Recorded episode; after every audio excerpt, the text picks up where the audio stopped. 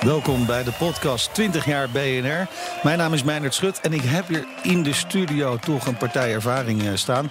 Drie hoofdredacteuren van BNR. Te beginnen met Michiel Bikkerkaarten, mede-oprichter ook van BNR Nieuwsradio. Toen nog Business Nieuwsradio. Paul van Gessel, de nummer twee. En de huidige hoofdredacteur George Freulich. Welkom heren, leuk dat jullie er zijn. Hallo. Ja, ja, we gaan het hebben over uh, 20 jaar BNR. Uh, 20 jaar in het verleden, maar misschien ook wel even 20 jaar in de toekomst. Met de vraag of je überhaupt zover kunt uh, kijken in het huidige medialandschap. Waarschijnlijk niet. We gaan het toch een beetje proberen. Maar um, heren, even jullie gedachten om te beginnen bij 20 jaar BNR. Michiel, mag ik bij jou beginnen? Gedachten bij 20 jaar BNR. Nou, eh, één natuurlijk, wat een, wat, een, wat een cadeau dat het nog steeds bestaat. Want de media's vallen ons, ont, ontvallen ons links en rechts. En twee, eh, dat het nog steeds zo eh, fris en fruitig is. Ja. Heerlijk. Ja, leuk hè? Ja. ja. Paul? Ja, die Challenger, uh, dat was je. En dat moet je wel proberen te blijven. Want dat, daarmee val je op. BNR heeft nog echt zo'n hele goede reputatie... In dat medialand, maar ook in de samenleving in algehele zin, omdat ze net anders wil zijn. In vaktermen noemen we dat niche, maar volgens mij is dat zo belangrijk dat je dat goed in de gaten houdt. Want dat maakt je niet alleen fris en fruitig, maar ook uh, ja. zo onderscheidend. Ja, we, we, we, hebben het in het verleden samen in de hoofdredactie vaak over het merk BNR gehad. Ja. Ja. Uh, dat, dat is wel een beetje gelukt dan, dus begrijp ik. Uh, ja, dat het, het merk staat. Het, het, het heeft een, uh, een, goede reputatie. En uh, we, zitten hier, we praten hier over nieuws, dus het moet allemaal heel geloofwaardig zijn. en zo'n reputatie bouw je heel geleidelijk maar op. Dus koester dat, want dat, dat ben je ook zo weer kwijt. Dus ik ben daar heel zuinig op. Nou, dat is alvast een les voor je. George? Ik schrijf nu al mee. ja. nee, maar het is, het is wel waar natuurlijk. Hè. Die reputatie, als je ook maar een paar kleine dingen verkeerd doet uh, kan dat hele grote gevolgen hebben als het gaat om, om, om een reputatie. En wij zijn en blijven en waren en zullen altijd zijn een nieuwsmerk. Uh, en dan moet je helemaal uh, voorzichtig zijn met je reputatie. En aan de andere kant, die, die, die challenger-positie, anders zijn, onderscheidend zijn. af en toe op het randje en heel af en toe eroverheen. Ja, dat staat dan af en toe weer op uh, gespannen voet met uh, de betrouwbaarheid die ja. je ook wilt hebben. Nou, daar een beetje tussen laveren, dat is wat we moeten doen, denk ik. Ja, vooral op vrijdag wil je nog wel eens wat. Uh... Over het randje gaan hè, met de programmering. Ja, nee, vrijdag is een uh, geval apart. Daar hoef ik jou niet zo over uit te leggen. Precies. Ja. Vertel jongens, uh, help me even. Nou, nou ik, ik, ik wijs gewoon, oh, dus Wilfred Gené. Wilfred om maar eens even wat uh, mannen te noemen. Ja. Geen heden zonder verleden. Het was ooit een rubriek op BNR door jou bedacht, ook Michiel? Willem Dijkhuis. Willem Dijkhuis was de maker en die kwam van het Financieel Dagblad. Was mij toen aangereikt door Fred Bakker. En Willem Dijkhuis werkte ooit voor Elsevier Science. En dat was een soort, wandelende encyclopedie. En die schreef geniale, hele korte stukjes voor uh, het FD. En dat heeft toen ook op de radio gedaan. Miniatuurtjes van exact één minuut. Uh, iedere ochtend. Uh, uh, inderdaad, geen heden zonder verleden, dus vandaag in de geschiedenis. En uh, bijzondere man. Een van de ja. leuke dingen om zulke mensen te leren kennen. Ja, hoe zijn we begonnen? Ja, daar, daar kom ik natuurlijk met geen heden zonder verleden bij. Want ja, vlak voor de oprichting van Business Nieuws Radio destijds, nog niet zo heel ver daarvoor, hadden we ooit een commerciële nieuwszender. Veronica Nieuwsradio. Volgens mij heb jij er nog uh, gewerkt, uh, Paul van Gessel. Ja. Alles werd uit de kas getrokken. Ja. Geld was geen probleem. De beste talenten uit de wereld uh, werden er naartoe gehaald.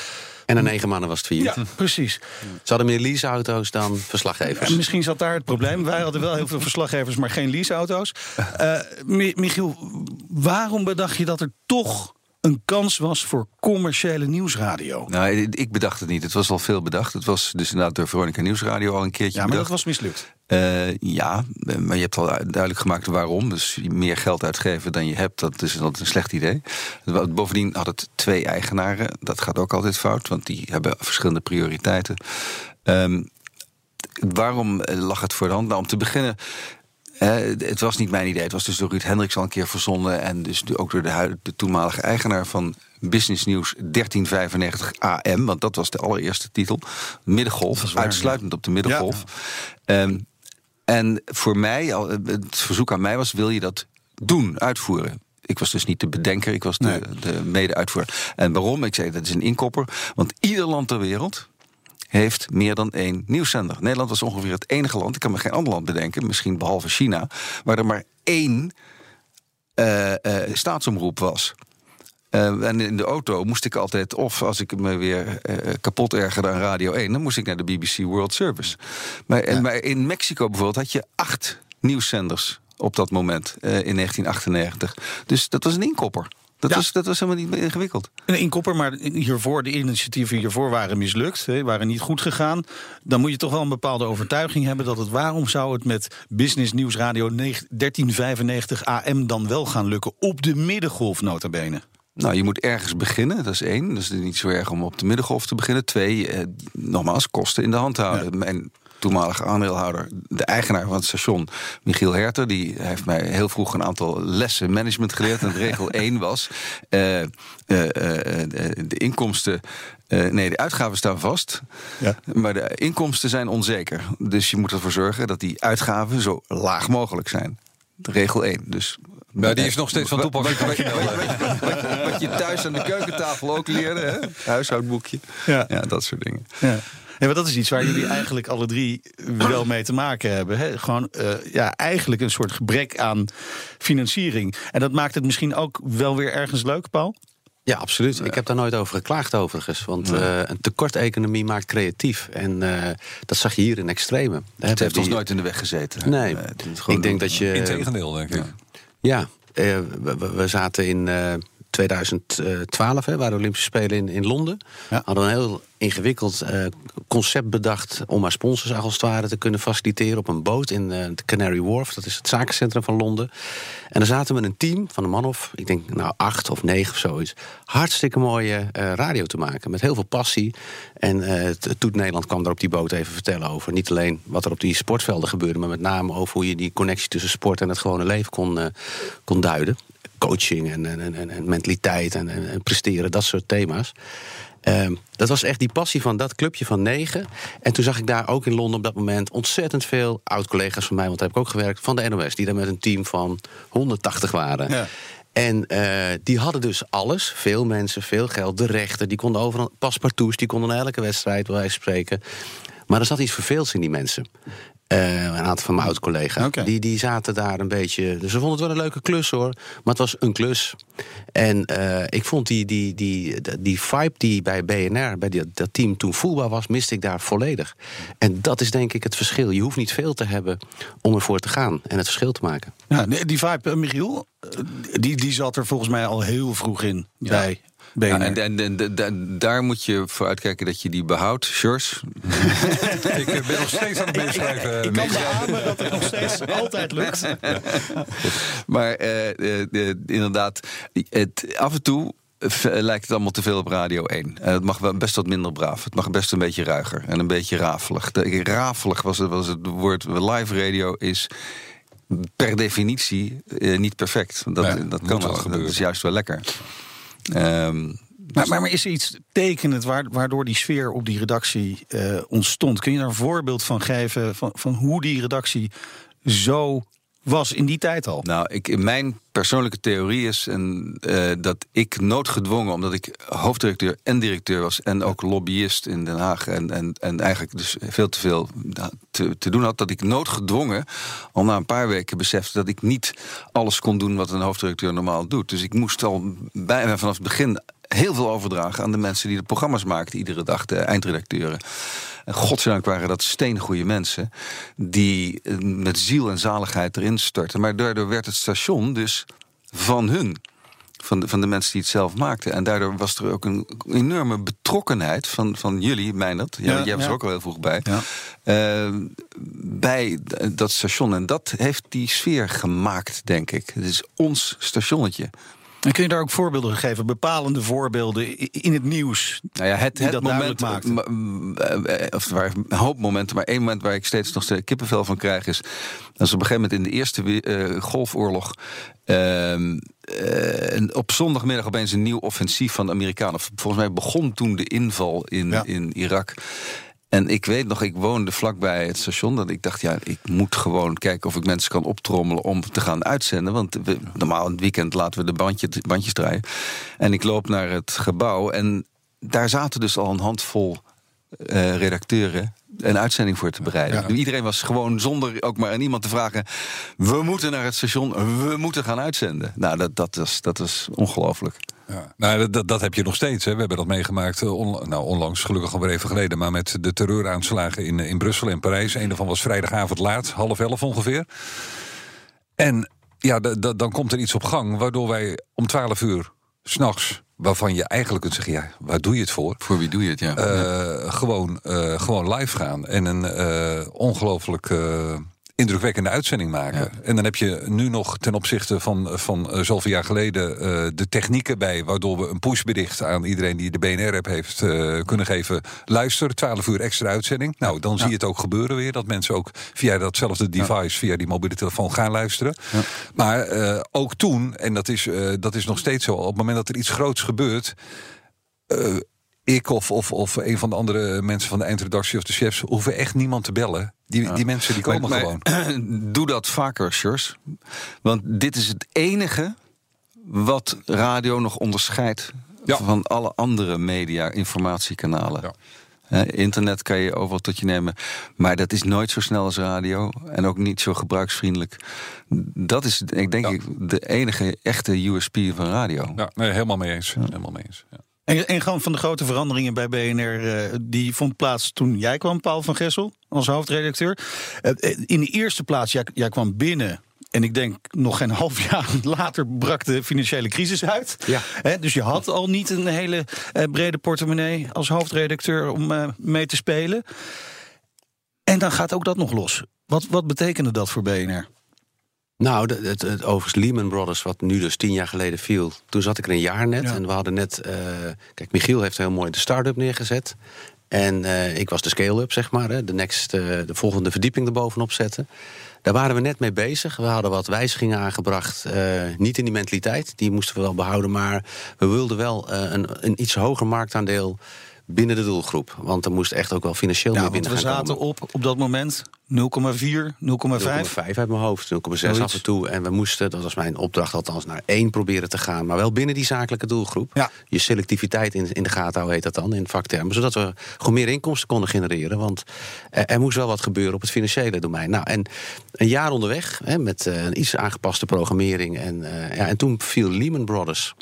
Wat we, en, en dan krijg je twee dingen. Eh, het mooie is dat eh, de hele journaille, het hele journaille snapte weinig van het financiële domein. dus die zaten achter de feiten aan te rennen. En wat je hier zag gebeuren is dat we beheersen de materie.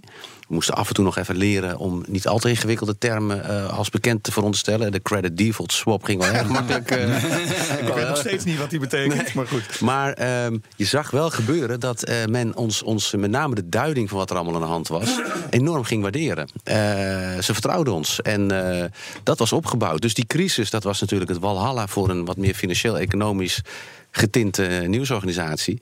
En dat bleef maar lekker doorgaan die jaren erop. Ja. Het was eerst de financiële crisis, toen kwam Maar de dat- DSB-affaire, dat is wel- iSafe, Wel precies Griekenland. misschien een mogelijk probleem voor BNR Nieuwsradio. Dat nieuws is fantastisch. We krijgen veel luisteraars op dat moment. Alleen de sponsoren, de financiers van BNR, die trokken zich terug. Ja, dat was de financiële crisis niet alleen voor de Lehman Brothers en, eh, en onze banken. Nee, de, de, het eerste wat er in die crisis, hè, we hadden, we- nog herinneren, die Prinsjesdag. Hè, toen was het dan allemaal, allemaal wel walhalla. eh, van gisteren dus tien jaar geleden. Eh, een paar dagen nadat Lehman Brothers was ge- gevallen. En daarna zag je de hele economie in Nederland wegglijden. Dus een hoge ontslaggolf ontstond. En eh, ja, alle bedrijven doen dan eh, wat, ze, wat ze kunnen doen. Namelijk aan die knop draaien waar nog wat flexibiliteit in zit. En dat is het marketingbudget.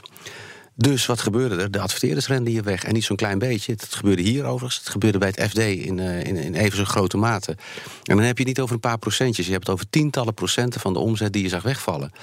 Dus eh, in, in, een gelo- in de loop van de maanden zie je dat op je afkomen. Hè. Je kent die reclame nog wel van die, eh, die, die, die garnalenpeller... die eh, een beetje overspannen aan het raken is. En op het ene moment is hij bijna overspannen... en dan komen er nog drie van die schepen Ja, ja, met ja. garnalen aan.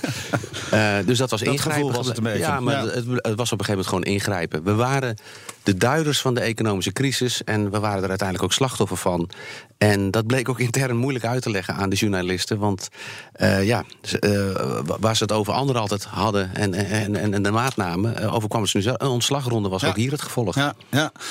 Ehm, Maar toch, de het gezegde, ik wel zeggen, eh, never let a good crisis go Nee. to waste. Nee, nou, het heeft ons Dat los werd van het- hier vaak genoemd. Ja, want we moesten saneren. Ik kreeg een weekend de tijd trouwens om 30% van, eh, van mijn kosten uit eh, weg te slopen. Ai. Dus dat was, eh, ja, dat was eh, no nonsense. Dat was gewoon het hele bouwwerk wat je in een jaar probeerde op te bouwen, gewoon weer, weer kort wieken. Dat was de ene kant. Hè. Veel emotie natuurlijk. En eh, Mhm. programma's schrappen van mensen die overigens allemaal goed terecht zijn gekomen. En die we inmiddels allemaal horen bij die concurrent van ons. Van hier, van BNR. Ons, hè, zei hij. Ja, ja, dat hou je toch.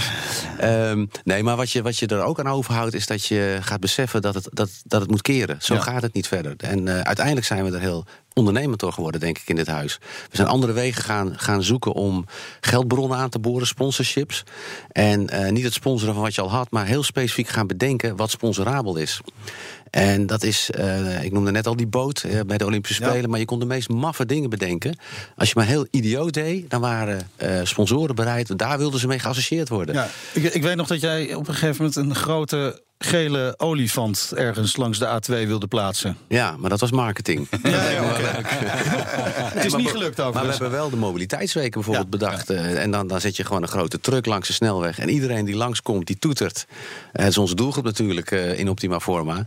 Het slaat helemaal nergens op. Waarom zou je radio maken langs de snelweg? Ja, we wilden Nou, eigenlijk A, zelfs met een mensen glazen, langskomen, maar B, omdat de sponsors bij te een vinden glazen zijn. vrachtwagen waarin Humberto Tan al rijdend, Rijdend, radio zou maken. Dat rijdend radio maken, dat is overigens wel gelukt. Later hè, door de technische ontwikkelingen. Maar ja, dit, dit- zijn, dat creatief zijn met je programmering, eh, nieuwe verdienmodellen bedenken, dat, dat is toen onder jou ook echt heel erg gebeurd. Maar dat gaat gewoon maar verder, Sjors. Ja, dat moet wel. Hè? Anders eh, ben je echt eh, met het bedrijf ten dode opgeschreven. Dus wij moeten blijven nadenken. wa- wat, wat is de next step? Niet alleen in, in hoe mensen naar radio of audio luisteren, maar ook hoe wij er geld aan verdienen. Want ja, wij, wij moeten gewoon geld verdienen. En we hebben gelukkig geen aandeelhouder die gigantische percentages winst van ons vraagt. Maar die aandeelhouder vraagt wel zeer terecht of wij eh, de broek eh, goed op kunnen houden. Dus dat, dat moet gewoon gebeuren. En ehm, zonder dat je maar wat doet, gaan de kosten elk jaar omhoog. Daar hoef je echt helemaal niks aan te doen. Dat gaat gewoon helemaal vanzelf. Eh, en en dan heb je nog niks extra's eigenlijk. Dus wij moeten nadenken van wa- wa- waar, waar zitten die, die dingen? Nou, we, zitten nu natuurlijk heel erg op het digitale vlak. En ja, daar zien we weer nieuwe verdienmodellen ontstaan. Die denk ik heel erg belangrijk zijn voor de toekomst van BNR. En om ook te bestendigen dat dit mooie rijderstation gewoon, hè, we, we, we vieren deze week het 20-jarig bestaan. Ja, dat, dat we gewoon nog 20 jaar bestaan. En eh, dus we moeten daar dat zoeken, dat gaat gewoon altijd door. En dat, Maar je dat, hebt, dat je hebt net een, een, een stappenplan nog, of een Nou, manifesto wou- gepubliceerd, precies, volgens mij. zeggen, Heel, heel, leuk, heel, leuk dat, eh, heel leuk dat je zo, gaat zo transparant opereert naar Ja. de buitenwereld toe. Want inderdaad, Ja. op de website van BNR, bnr.nl, hele logische URL trouwens. Ga daar vooral kijken. eh, staat het vier stappenplan eh, voor BNR om de toekomst te bouwen. Ja, ja. Leg uit. Kort graag. dank u wel. Dank u wel. Je mag er twee doen van de vier. Nee, het gaat niet eens zozeer om dat vier-stappenplan. Kijk, waar het om gaat is dat wij... eh, wij zitten vast aan vergunningen. Dat weten jullie ook, aan FM-licenties, FM-vergunningen. Nou, we hebben ons eh, een paar jaar geleden echt eh, bijna doodgevochten... om een verlenging te krijgen. Dus om nog de periode waar we nu in zitten... op FM en op DAB Plus te kunnen uitzenden. Eh, dit loopt af in 2022. Ehm, dan is de vraag, wat gaat er met de FM gebeuren, sowieso? En wat wil je als BNR nog met de FM? Want die FM is gewoon hartstikke duur. We betalen denk ik een miljoen per jaar aan, eh, aan die zendmasten. Om iedereen, Elektriciteit eh, gewoon, ja, het- ja, van alles. te En, duur, eh, ja. ja, precies. Ehm, dus wat ik heel graag wil, is dat wij in 2022 een bedrijf hier hebben, een station. Ehm, dat eh, digitaal gewoon helemaal klaar is. Zodat we ons eh, eh, zelfs kunnen permitteren. Het is geen doel op zich, maar zelfs als we dat zouden willen kunnen permitteren. om te zeggen: Oké, weet je wat, laat die FM maar zitten. We hebben een livestream met het allerbeste nieuws. Want dat Ja. kun je gewoon in de auto dan goed beluisteren. En wij doen een heleboel dingen via podcast. Nogmaals, is niet het doel, maar ik wil onafhankelijk kunnen zijn van eh, de FM. Want je ziet in landen om ons heen, bijvoorbeeld Noorwegen... waar ze de FM inmiddels echt hebben uitgezet. Daar heb je gewoon geen FM meer. Nou, dan moet je gewoon over nadenken. Hoe ga je in een FM-loos tijdperk eh, door met het merk, het sterke merk BNR? Blijf je dan wel, wel eh, op DAP Plus bijvoorbeeld? Hè? Want Dat zou kunnen. Je, je dat ziet natuurlijk kunnen. dat Ja. dat is in Noorwegen bijvoorbeeld. Hè, zijn ze helemaal overgegaan naar DAP+. Ja, ja. Je ziet steeds meer auto's die die radio van tevoren ingebouwd hebben. Ja. Dat, dat is nog wel een strategie. Dat, dat, dat zou zeker. Nee, weet je, je moet. Die distributie is eigenlijk. ehm, eh, wij zijn een bedrijf dat gewoon hele goede eh, programma's, onderwerpen en, eh, en andere zaken maakt. Dus je moet uitgaan, denk ik, van de inhoud. Want hier zitten creatieve journalis- journalistieke mensen die mooie dingen maken. Vers 2 is dan hoe je dat bij de luisteraars brengt. En dat maakt me niet zo heel veel uit. Weet je wel, dat kan via FM, kan via DHB, kan via IP, via 5G, eh, kan via Sonos. Dat maakt niet zoveel uit. Wij, wij moeten gewoon zorgen dat wij zijn waar de luisteraar ons makkelijk kan eh, beluisteren. En daarom moet je digitaal helemaal klaar zijn. En daar zijn we nu gewoon heel hard mee bezig. Nou, Michiel en Paul, jullie zijn ook altijd nog actief in het medialandschap. Paul, jij als eh, directeur van AT5 en eh, RTV Noord-Holland, regionale omroep. En Michiel, jij hebt de nieuwsbriek De Bikker. Eh, Die dit, deze maand ook zijn vijfde verjaardag viert. Vijf alweer. Dat had ik niet verwacht. Maar ik lees hem Nee, elke dag niet. met heel veel plezier. Ja, nee. ja, nou ja, ik had best wel verwacht dat hij het lang zou volhouden. Maar eh, De mensbikker, dat hij het zou volhouden. ja, dat is natuurlijk maar de vraag. Ja, ja, ja, ja. Maar, maar eh, hoe kijken jullie tegen dat veranderende medialandschap? Paul aan? eerst. Paul. Nou, wat, wat George terecht zegt, eh, en dat zie je, dat is een tendens die je overal ziet. Als je eh, innoveren is gewoon loslaten. En je moet eigenlijk, zie je vaak bij media, waar ze oorspronkelijk uit ontstaan zijn, dat moeten ze gaan afstoten. Hè, dat eh, riep ik hierboven altijd, want mijn kantoortje zat bij het FD. Riep ik altijd heel, heel graag altijd van, nou, print is dood. Vonden ze niet leuk om te horen, en dan ging ik het nog vaker roepen. Dode bomen. Ja, dode bomen. Zo vaart loopt het allemaal natuurlijk nog niet. Maar het is wel een gegeven dat je op een gegeven moment waar je uit ontstaan bent, dat dat het gewoon niet meer is, omdat het publiek iets anders wil. Ik heb nu waar ik nu zit heel sterk met televisie.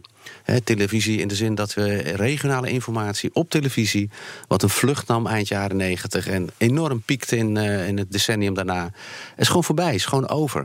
En eh, wat niet wil zeggen dat je geen nieuws meer kan maken. En nieuws met video zelfs, want dat kunnen ze heel goed. Alleen je zult het via de app moeten verspreiden. En, en, en via Facebook en Instagram. En talloze kanalen inmiddels met net weer even een andere stijl. Maar ehm, ja, innoveren is loslaten. Toen ik net een week of drie bij, bij waar ik nu zit zat zag ik in de, in de begroting nog staan dat ze nog teletext hadden. En daar ging 50.000 euro naartoe. En ik dacht, wat is dit voor flauwekul? Hè? Zetten we uit. Want het geld moet naar de vernieuwing, naar de app of alles aan. Dus een app die, die van Ja, Teletext. ja, maar die is geweldig. Die Ja, dat zie je altijd. Dat is dan. Maar ik zette hem uit en eh, vervolgens werd ik allemaal gebeld door journalisten. Want bleek, dat wist ik niet eens, bleek dus de eerste publieke omroep te zijn in Nederland die teletext afschakelde. Als ik dat geweten had, ik een persbericht aangereikt. maar ik realiseerde me dat niet eens. Nee, en ik dacht nee. dat ik de laatste was. Dus, Maar wat ik maar wil zeggen is, je moet gewoon durven los te laten om je budget naar datgene. We- Ja. Hier is het inderdaad digitaliseren. Wij hadden toen ook heel veel events die we organiseerden. Ook omdat er heel veel sponsors op kwamen. Ik ben zelfs nog bezig geweest met een magazine. Gewoon eh, eh, het video. Hier ook eh, natuurlijk altijd interessant. Video is king tegenwoordig. Dus ja, je moet door. Je moet, naar de, je moet naar de toekomst toe. En dan moet je je verleden durven te vergeten. Ja, maar de distributie verandert dus. Maar dus ook eigenlijk wel de content, als ik het zo hoor, Paul. Want je moet je Ja. content aanpassen op het kanaal. Ja. Mm, ben ik niet helemaal mee eens. Eh, wel, wel een beetje natuurlijk. Eh, hè, wij zitten nu in een podcast. En ja, we, we hoeven niet per se rekening te houden dat die 22 minuten duurt. En dat er na 12 minuten een break eh, zit. Zullen we eens even vragen, hoe lang zijn we bezig nu? We hebben nog zes minuten. Ah, Veel te lang, ja. minuten. nee, maar eh, dus eh, podcast denk je, denk je anders over. Dus dat is een andere, wel een andere vorm van content. Ehm, eh, maar in principe moet je wel blijven doen waar je goed in bent. En dat is bij BNR inderdaad financieel-economisch, internationale politiek, innovatie, mobiliteit, duurzaamheid. Dat zijn onze dingen en daar moeten we doen. Eh, en dat blijft zo. En dan nogmaals, hoe het bij onze luisteraars komt. Ja, dat is wat minder interessant als ze het maar tot zich eh, kunnen nemen. Ja, Ja, BNR is ook verdieping en intelligentie. Hè, goed opgeleid publiek. positief. En, ja, en dat is bij uitstek is dan podcast een, een geschikt medium. Eh, want je, je, kan, je kan de diepte ingaan. In 22 minuten kun je meer vertellen dan in één minuut. Maar ze kunnen het ook aan en, en het, is, het, is een soort kwaliteitsboek in audiovorm. Nou, ik, denk, ik, denk, ik denk dat je dan wel de discipline en de deskundigheid van radio erin moet brengen. En niet moet zeggen van nou, het mag wel wat langer duren. Nee, helemaal niet. Juist die ijzeren discipline van we hebben nog zeven seconden. eh, maar dat, dat, mij- dat houdt het scherp. En dan, als je dat Ja. niet doet, dan krijg je van die vreselijke podcasts die je tegenwoordig overal hoort. Ja, maar waar Michiel, mensen wat dat- zitten te wauwelen voor de microfoon. Want hé, hey, ik heb ook een microfoon. Ik, Nee, ik heb ooit ik een radio. van jullie horen zeggen de term kabbelend kontwater. Ik weet niet wie dat was. Paul, Ja, wat zei dat? Knerpend Grint was Nee, die is wel, die is wel veel. Ja. Nee, maar Michiel heeft gelijk als het gaat om live radio. Want daar willen we, als er een aanslag is, een kabinetscrisis, Prinsjesdag, een groot evenement, willen we het live, snel, snappy en goed horen. Maar als het gaat om dingen die niet per se op dit moment urgent zijn, maar wel interessant, mag het best wat langer duren. Onze populairste podcast is de Technoloog. Die duurt altijd langer dan een uur. En die wordt met ijzeren discipline gemaakt door volgens mij Herbert. Hebben er Die een- verrekte en Ben goed van weet. Ja. En, ja, maar die, Ja. Herbert die Ja. weet verrekte goed dat hij zich aan die discipline moet houden. Maar, Maar we zitten iets- een beetje te veel over onszelf te praten. Iets anders is natuurlijk wel. eh, zie je tussen de bomen het bos nog van al die podcasts? Want Michiel heeft natuurlijk wel een punt. Iedereen in de wereld kan een podcast maken. Ja. Maar 90% daarvan is gewoon niet om aan te luisteren. Ja, daar heb je het antwoord al. Ja, maar wie gaat eh, voor mij bepalen welke podcasts goed zijn? Want als ik dat zelf allemaal moet gaan zoeken. Ja, hier, zie je, hier zie je het belang van je merk. Ja, exact. Eh, als je Laat als, ons als BNR een podcast wegstuurt, dan ga ik ervan uit dat die door een bepaalde wasstraat is gegaan, in dit geval een gele, Mhm. die, eh, er, die, die, die er intelligentie van gemaakt heeft en relevantie. En, en, en dit is in dit geval dan voor professionals. Er zijn heel veel merken natuurlijk. Hè. Je hebt podcasts die echt documentaireachtig van aard zijn. Of verhalend, allemaal prima, weet je. Het maakt niet, als ik de afzender vertrouw, dan is je goed. En het is net als YouTube. Gewoon 99,9% van de filmpjes daar zijn ook niet om aan te zien. Het is ook geen kwaliteitstelevisie. YouTube is YouTube. Gewoon van het volk. Niks mis mee, maar de missie hier is iets anders. Namelijk eh, er het verschil maken. En ja, dat moet je toch met kwaliteit doen. En een merk straalt dat uit als het goed is. Wat lastig lijkt me is de podcast. Misschien dat het in de toekomst wel meer zal worden. Maar op dit moment heeft het natuurlijk een relatief kleine luisteraarschade. Dat is lastig om naar potentiële eh, sponsoren en adverteerders te gaan. Kan ik me voorstellen. Ja, soms wel. Alhoewel ik eh, merk dat dat steeds makkelijker wordt. Kijk, eh, mensen die voor een podcast kiezen, die zijn eh, automatisch al geïnteresseerd in het onderwerp. Anders ga je niet de moeite doen, ook al is het maar een kleine moeite, maar ga je niet de moeite doen om een podcast op te zoeken. Dat betekent dat je ongelooflijk betrokken luisteraars hebt die veel waardevoller zijn dan een gemiddelde luisteraar die toevallig de radio op de achtergrond aan heeft staan. en de BNR-luisteraar is al waardevoller dan Die de is al gewone waardevoller. luisteraar. En met podcast ga je nog meer die, die niche in.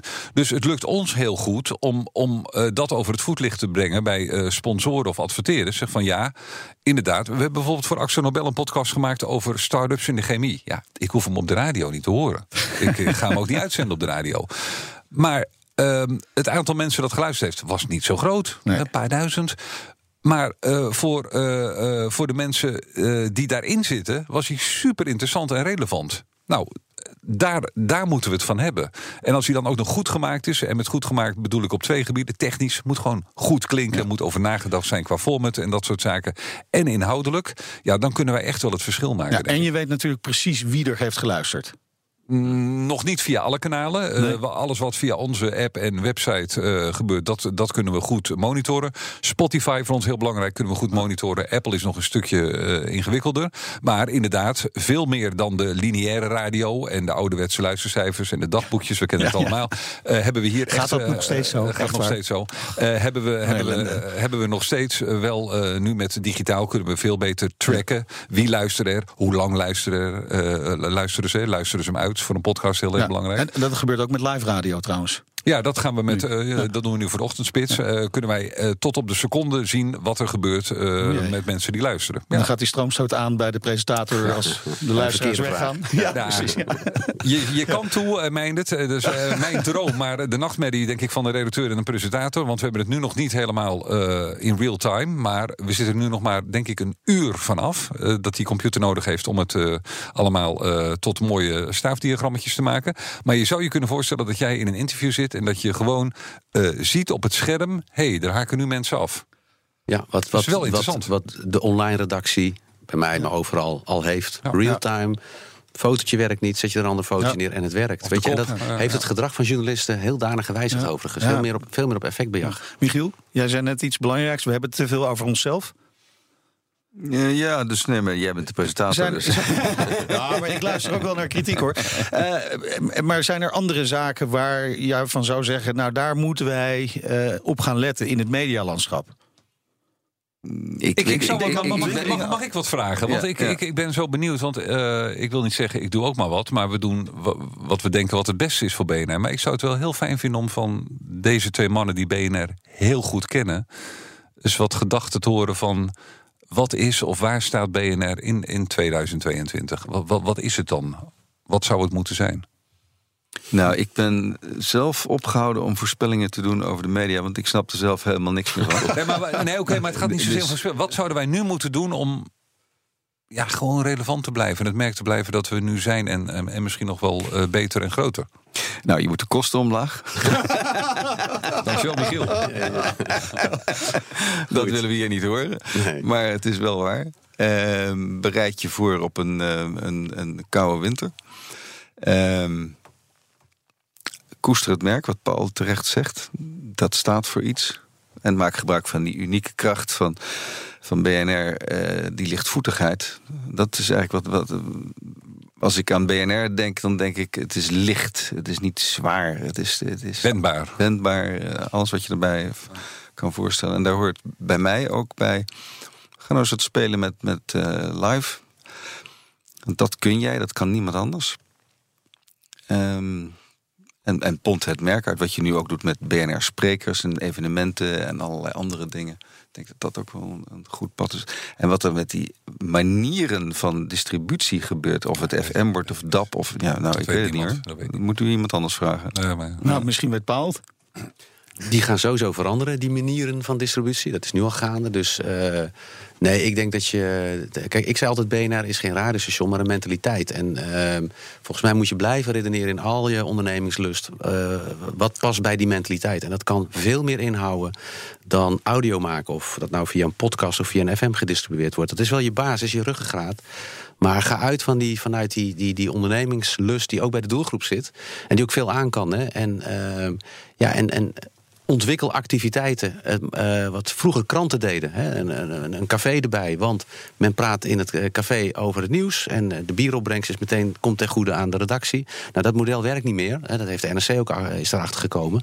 Maar bij wijze van spreken, het gaat om die, om die, die connecties maken van ogenschijnlijk hele vreemde zaken die je aan elkaar bindt en elkaar ineens wat, wat, wat versterken. En doe dat vanuit BNR is een mentaliteit. En die zal altijd blijven bestaan. Want ik las van de week dat de robotisering dusdanig toeneemt dat de helft van de banen door robots worden ingevuld. Ja. En dan hou je nog twee soorten mensen over. Zij die de robotjes besturen en zij die bedenken wat die robots moeten gaan doen. En volgens mij moet BNR zich op die laatste categorie blijven richten. Ja, ik, ik las overigens ook daarin dat een radiopresentator heel moeilijk te vervangen is. Hoor ik het maar. Dat is vrij dichtbij. Er zijn wel journalisten die. eh, Ja, sportuitslagen. Nou ja, daar deden we toch al niet zoveel aan bij BNR. Fortuna Sittard 1-0. Eh, Sjor- Jij kunt als robot aan de slag, Paul. George, heb jij je boekje volgeschreven? Ik heb mijn boekje helemaal Hartstikke mooi. Jongens, want voordat eh, de luisteraars eh, weggaan naar een andere podcast... eh, moeten we maar gaan afronden. Hier hebben jullie nog een wens voor BNR en eh, voor de redactie? Happy birthday. Mooi. Ja, Geniet en ervan. eh, Nederland heeft BNR nodig, dus koester het. George? Ja, eh, ik hoop eh, dat, eh, ehm, dat ik een, een, een, een tussenpaus mag zijn. En, nee, nee, ik bedoel, Wat, daarmee bedoel ik dat. Nee, nee, zo, nee, nee, nee, dat niet. Maar ik hoop echt dat, dat BNR als merk inderdaad, en wat het dan ook is, maar als merk met de kleur geel en, en, en alle brutaliteit en, en innovatie die daarin zit, gewoon nog heel veel jaren doorgaat. En dat er ook straks weer gewoon andere mensen weer oh, met BNR aan de gang gaan. Maar dat BNR sinds 1998 die constante factor is en blijft. Heren, dank jullie wel. Michiel Bikkerkaarten, Paul van Gessel, Sjors Freulich. Het lijkt me heel leuk om hier een vaste podcast van te maken. De hoofdredacteuren podcast. Wie weet. Hè? Ja, ik hoor al mensen Iedere die maand dat... nemen we het nieuws even door met Zo is het. Ja, nou, lijkt me superleuk. Dank jullie wel.